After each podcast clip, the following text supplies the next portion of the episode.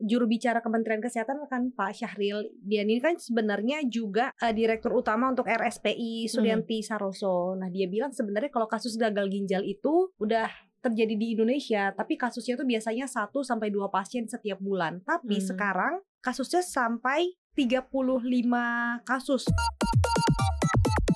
etilen glikol itu berasal dari batu bara gitu ya. Hmm. Karena kita itu adalah salah satu produsen batu bara terbesar. Hmm. Berarti kemungkinan ke depannya kita bisa menjadi pemain besar di etilen glikol kayak gitu. Tidak lagi mengimpor. Hmm. Mungkin malah bisa mengekspor kalau misalnya hilirisasinya jalan. Jalan. Sekarang banyak yang mau listing juga dari farmasi nih IPO nih beli putu. Ini PR juga gak sih pas lagi momen kayak gini mau IPO yeah. gitu. Koneksi konten ekonomi seksi.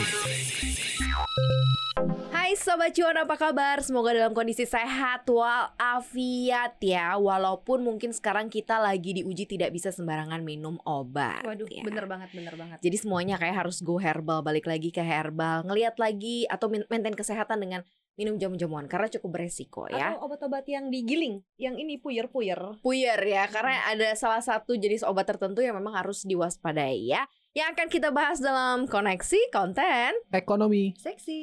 Yeah, hari ini bareng Maria Katarina, bareng dengan tim riset CNBC Indonesia ada Beli Putu di sini dan yeah. juga produser CNBC Indonesia TV Ibu Intan. Oke, kita lagi susah minum obat nih kayaknya sekarang ya. Yeah. Karena memang resikonya besar atau mungkin karena lebih ke antisipasi ya. Karena beberapa nih obat-obatan bisa kayak yang herbal-herbal khususnya yang cair ya. Lucunya kemarin gue kayak datang ke satu uh, apotik gitu uh, mm -hmm. di samping kantor ini nyari kayak uh, minuman ya tolak angin atau apa mereka nggak ada mereka lagi tarik hmm, semua antisipasi ya antisipasi karena sebenarnya memang menariknya itu waktu itu kan sebenarnya udah dikeluarin tuh obat-obat yang berbahaya mm -mm. kemudian ada juga obat yang bisa dikonsumsi mm -mm. tapi kan jadi pertanyaan obat-obat sirup yang di luar itu boleh dikonsumsi apa enggak karena kan ternyata ya, ya, semua ya. di BPOM itu mengembalikan kepada industri farmasi mm -mm. dan BPOM bilang katanya bukan bagian dari mereka dan bukan part mereka sebenarnya iya. untuk memutus ini lucu ya. Jadi kisah bingung aneh konsumen aja. kayak di diberikan di ambang-ambing. Iya, betul. Apalagi ini sebenarnya yang lebih uh, membuat miris adalah karena kena ke uh, anak-anak ya, balita, anak bayi bahkan yang sebenarnya mereka ya paling mudah diberikan obat itu berbentuk uh, sirup. Betul dan ternyata ada hal-hal yang seperti ini yang membuat akhirnya orang tuanya cukup uh, eh, PR banget nih kalau misalnya anaknya sakit, demam gitu ya. Tindakan yang paling cepat dilakukan kan biasanya ngasih obat gitu. Ya. Ada obat-obat yang tertentu yang bisa dikasih sama dokter itu dilarang juga lagi. Satu merek tertentu itu tuh pasti udah tahu lah ya ibu-ibu yang punya anak kecil. Yang lo lihat ini sedang ada apa sih? Karena kita nih kan kayak mikir dulu zaman gua kecil, gue juga minumnya itu nggak yeah. kenapa-napa, nggak masalah gitu. Nah ini kok kayaknya entah ada ketidaksinkronan atau ada apa sekarang malah lompar eh, lempar-lemparan tanggung jawab gitu mas eh mas lagi beli putu ya mas beli kalau putu. kita ditanya sedang ada apa sih yang muncul itu adalah pertanyaan-pertanyaan berikutnya gitu mm -mm. kenapa baru sekarang terus uh, kenapa tiba-tiba obat ini yang kena obat mm -mm. yang lain enggak mm -mm. terus BPOM itu gimana sih kerjanya kenapa mm. bisa sampai ada seperti ini itu masih banyak pertanyaan jadi yang muncul jadi kalau kita lihat itu mungkin pemicunya adalah uh, salah satu zat senyawa kimia itu ya yang hmm. uh, etilen glikol sama dietilen glikol. Nah, itu mungkin yang masih diduga ya menyebabkan terjadinya uh, masalah penyakit gagal ginjal pada anak. Hmm. Seperti Mbak Maria tadi bilang kan emang anak kecil yang mengkonsumsi obat pasti dengan sirup karena hmm. yang paling gampang itu yang menyebabkan sampai saat ini itu anak-anak di bawah lima tahun yang kena bahkan yang meninggal itu 50% dari total kasus ya di 240-an lebih. Hmm. Jadi itu penyebabnya. Nah, kenapa bisa terjadi? Nah, ini yang jadi pertanyaan sebenarnya. Kenapa dulu nggak terjadi? Apakah uh, ada perubahan bahan baku atau bagaimana? Kalau di, di menurut BPOM itu uh, karena bahan baku yang digunakan itu etilen glikol dan dietilen glikol itu lebih dari ambang batas yang normal kayak mm -hmm. gitu. Karena mhm. menurut BPOM itu yang maksimal bisa terdapat di dalam kandungan satu sirup itu adalah 0,5 mg per uh, kilogram berat badan ya. Jadi hmm. emang sedikit sekali. Nah, ketika zat itu lebih tinggi dari itu itu menjadi berbahaya. Tapi sebenarnya apa pun yang berlebihan itu berbahaya. Iya, iya, iya, iya. Kita minum air putih aja kalau berlebihan itu bisa hmm. sangat berbahaya, bisa terjadi pembengkakan otak. Makan nasi berlebihan bisa menyebabkan kegemukan apalagi uh, zat kimia itu yang berlebihan. Mm-hmm. Nah itu mm-hmm. yang sangat berbahaya sih sebenarnya. Mm-hmm. Yang lo lihat gimana Bunta? Jadi kalau misalnya kelihatannya ini kan sebenarnya kasus yang terjadi di Indonesia itu kan mirip yang ada di Gambia dan waktunya juga berdekatan. Kelihatannya pemerintah ini selain mengurusi apa yang sudah terjadi di dalam negeri, tapi juga perlu ada kayak investigasi gitu loh Mbak Maria beli hmm, putu hmm, hmm. buat bahan obat-obatan yang sebagian besar tuh emang diimpor kan kita tahu kalau misalnya industri farmasi ini kan bahan-bahannya masih kebanyakan impor. impor betul jadi kalau misalnya barang-barang ini datang kelihatannya juga perlu ditelusuri lebih lanjut apakah mungkin memang cemarannya berasal dari barang-barang yang didatangkan dari luar negeri ini karena kan kalau misalnya industri farmasi kan dari kemarin mereka sebenarnya selalu bilang ya mm-hmm. enggak kita nggak pakai EG kita nggak pakai DEG mm-hmm. tapi kan sebenarnya siapa tahu cemaran itu ada di bahan baku yang mereka pesan dari luar negeri jadi kan komposisi bahan bakunya kan mungkin mereka nggak benar-benar ngerti ya karena kan uh, produsen pemasoknya yang paham jadi mungkin itu juga bisa ditelusuri uh, lagi Iya makanya ini kan masih jadi tersangka lah ya istilahnya ya. si ethylene glycol apakah memang benar uh, karena senyawa kimia ini ataukah berbeda gitu. Tapi kalau kita bicara mengenai EG ini memang Indonesia importir bahkan nomor 9 uh, secara global gitu ya dan hampir rata-rata uh, tren impornya ini dalam dua dalam waktu lima tahun terakhir ya dari 2017 sampai dengan 2021 itu semua dari India. Nah, hmm. ini menarik banget sebenarnya untuk ngomongin masalah ethylene glycol karena kita kan lagi hilirisasi batu bara ya. Jadi waktu itu ada di satu forum uh, ngobrol soal masalah uh, produk turunan batu bara karena kan uh, industri ini mau sunset, kemudian nanti dia harus uh, bergeser ke yang lebih ramah lingkungan atau uh, mengeluarkan produk turunan. Nah, EG ini, uh, ethylene glycol ini senyawa yang memang dihasilkan dari uh, turunan batu bara sebenarnya. Jadi kalau diekstraksi, di apa segala macam, dan ternyata batu bara banyak menghasilkan senyawa kimia yang memang dibutuhkan untuk industri uh, apa pun ya, industri plastik, kesehatan atau hmm, apa. Hmm, nah, hmm, termasuk di dalamnya adalah ethylene uh, glycol ini. Nah, mungkin kan kalau sekarang masih banyak impor karena hilirisasi kita kan masih belum jalan gitu.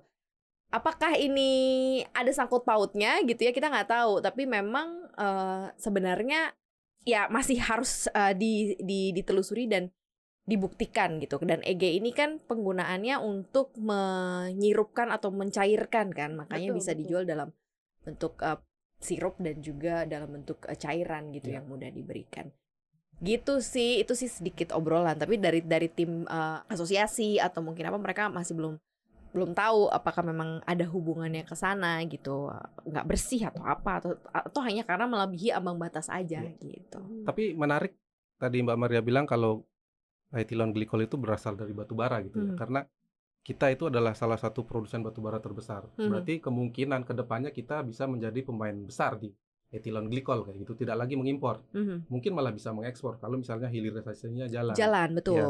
Dan uh, jangan salah ethylene glycol ini bukan barang yang buruk iya, gitu ya. iya, iya. bukan penyebab uh, kematian mungkin karena melebihi ambang melebihi batas, ambang batas. Itu. Tapi kegunaan etilen glikol ini sebenarnya banyak.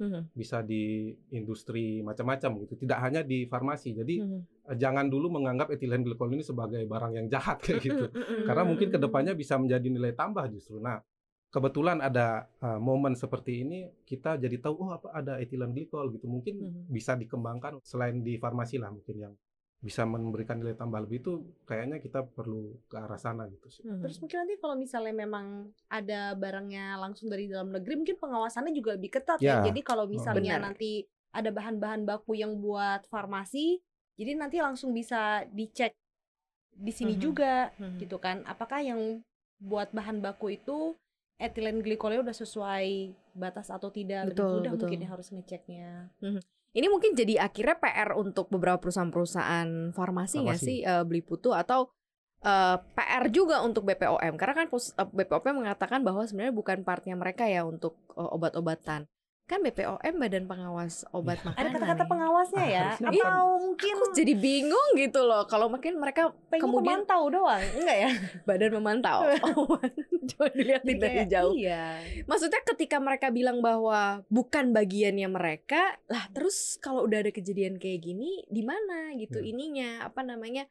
Kita kan berharap ketika udah ada capnya sebenarnya sudah lewat QC, sudah lewat quality control, sudah sudah uh, apa namanya sudah layak lah untuk dikonsumsi sudah aman gitu. Tapi kan ini ada yang hal-hal yang kayak gini gitu kisru-kisru kayak gini gitu. Yeah. makanya kan kasus ini menimbulkan pertanyaan-pertanyaan selanjutnya. Jadi tugas BPOM itu sebenarnya sampai di mana sih?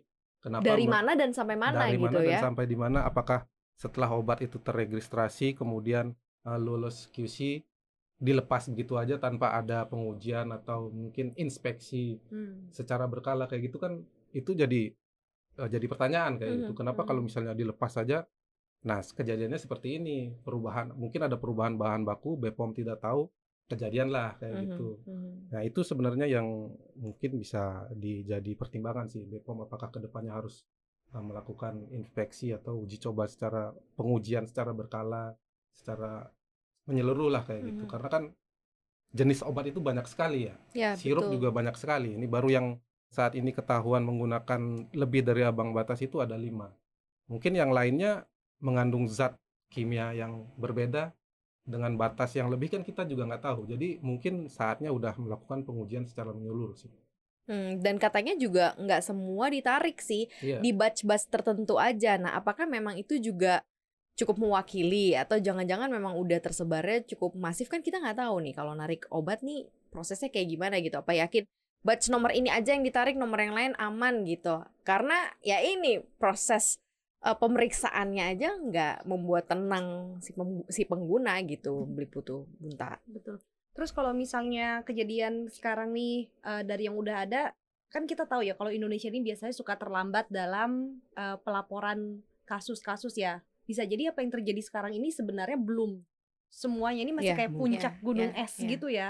Ternyata mungkin di bawah-bawahnya uh, kalau misalnya ditelusuri lebih dalam bisa jadi kasusnya lebih parah. Kelihatannya ini memang harus ada satu fokus. Hmm. Sebenarnya kan kalau dari juru bicara Kementerian Kesehatan kan Pak Syahril, dia ini kan sebenarnya juga adalah uh, direktur utama untuk RSPI Suryanti hmm. Saroso. Nah, dia bilang sebenarnya kalau kasus gagal ginjal itu uh, udah terjadi di Indonesia, tapi kasusnya tuh biasanya 1 sampai 2 pasien setiap bulan. Tapi hmm. sekarang kasusnya sampai 35 kasus wow. di uh, Agustus 2002. Ini kan itu di satu rumah sakit ya berarti ya? Iya, tuh melonjak jauh ya.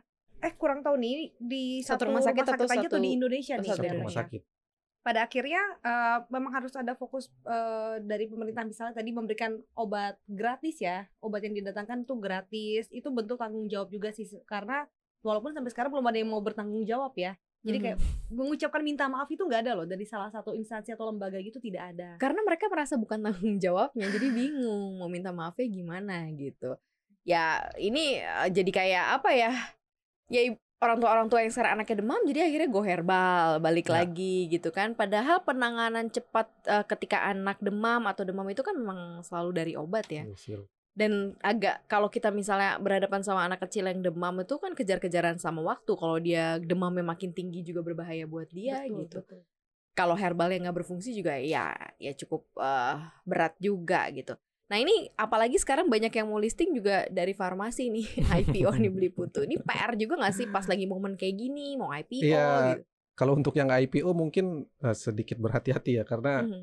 di masyarakat atau mungkin di masyarakat luas sih sebenarnya yang agak khawatir gitu. Tapi kalau dari sisi investor saya rasa enggak ya, karena investor kan sudah tahu perusahaan mana saja yang uh, terkena dampak dari ini gitu. Kemudian kalau kita lihat pergerakan saham beberapa emiten farmasi juga penurunannya tidak tajam sih. Semenjak uh, terjadi munculnya kasus gagal ginjal ini memang ada penurunan sedikit, tapi setelahnya udah perlahan-lahan pulih. Jadi kalau dari sisi investor saya rasa sih melihatnya uh, enggak terlalu berdampak signifikan gitu hmm. karena kita tahu obat itu banyak dan selalu hmm. dibutuhkan dan penjualannya pasti selalu ada gitu jadi hmm. tidak akan berdampak signifikan sih ke sektor farmasi. Mungkin kalau sektor farmasi sekarang mungkin sentimennya justru yang rupiah melemah ya, Benar, ya rupiah. dibandingkan yang obat sirup itu. Iya. Mudah-mudahan sih nggak akan lama ya penyelesaiannya. Kita sih berharap sebenarnya kita bahas ini supaya uh, sobat cuan juga tahu gitu ya dan update uh, isu-isu terkini apalagi juga dampaknya terhadap uh, sektor farmasi secara keseluruhan kan sektornya sebenarnya gitu-gitu aja sih ya yeah.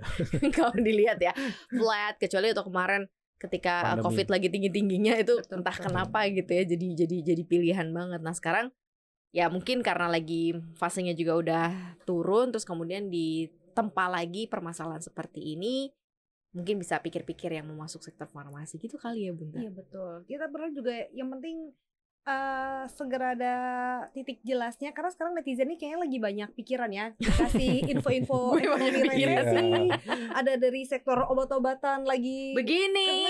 ya jadi Kesel. banyak pikiran nih jadi netizen semenjak pandemi kita nggak pernah tenang ya? Nggak iya. Ada bener, aja. Bener ini kayak curhatan kita sih kayaknya nggak selesai-selesai gitu iya. ya katanya udah turun ini terus ada lagi, lagi. ini itu segala macam ayolah ya semoga cepat segera selesai semuanya ya sobat cuan. Kita support pemerintah juga gitu ya dan support juga uh, penanganannya uh, penyelidikannya supaya juga bisa uh, stop. Katanya kan dengar-dengar kemarin udah ketemu katanya ya obat uh, gagal ginjal ya atau seperti udah udah diumumkan juga sama uh, Menkes ya. Mudah-mudahan ini bisa benar-benar bisa worth it lah ya buat anak-anak generasi ke depan ya, buat Indonesia karena tidak ada yang lebih berharga daripada nyawa ya ya kita selalu bilang itu sih Thank you ya Sobat Cuan udah dengerin koneksi hari ini. Jangan lupa untuk dengerin konten podcast kita lainnya di mana aja. Kontennya ada di Anchor, Google Podcast, Apple Podcast, dan juga Spotify. Selain itu juga ada di Instagram at cuap underscore cuan. Dan ikutin juga nih konten-konten cuap-cuap cuan yang ada di Youtube cuap-cuap cuan. Yes. Komen, share, dan like sebanyak-banyaknya. Benar, podcast kita hari ini juga tayang ya Sobat Cuan di CNBC Indonesia TV. Hmm. Thank you hmm. banget Sobat Cuan, sehat-sehat terus. Maria pamit. Putu pamit. Dan juga Inta pamit. Bye Sobat Cuan. Dadah.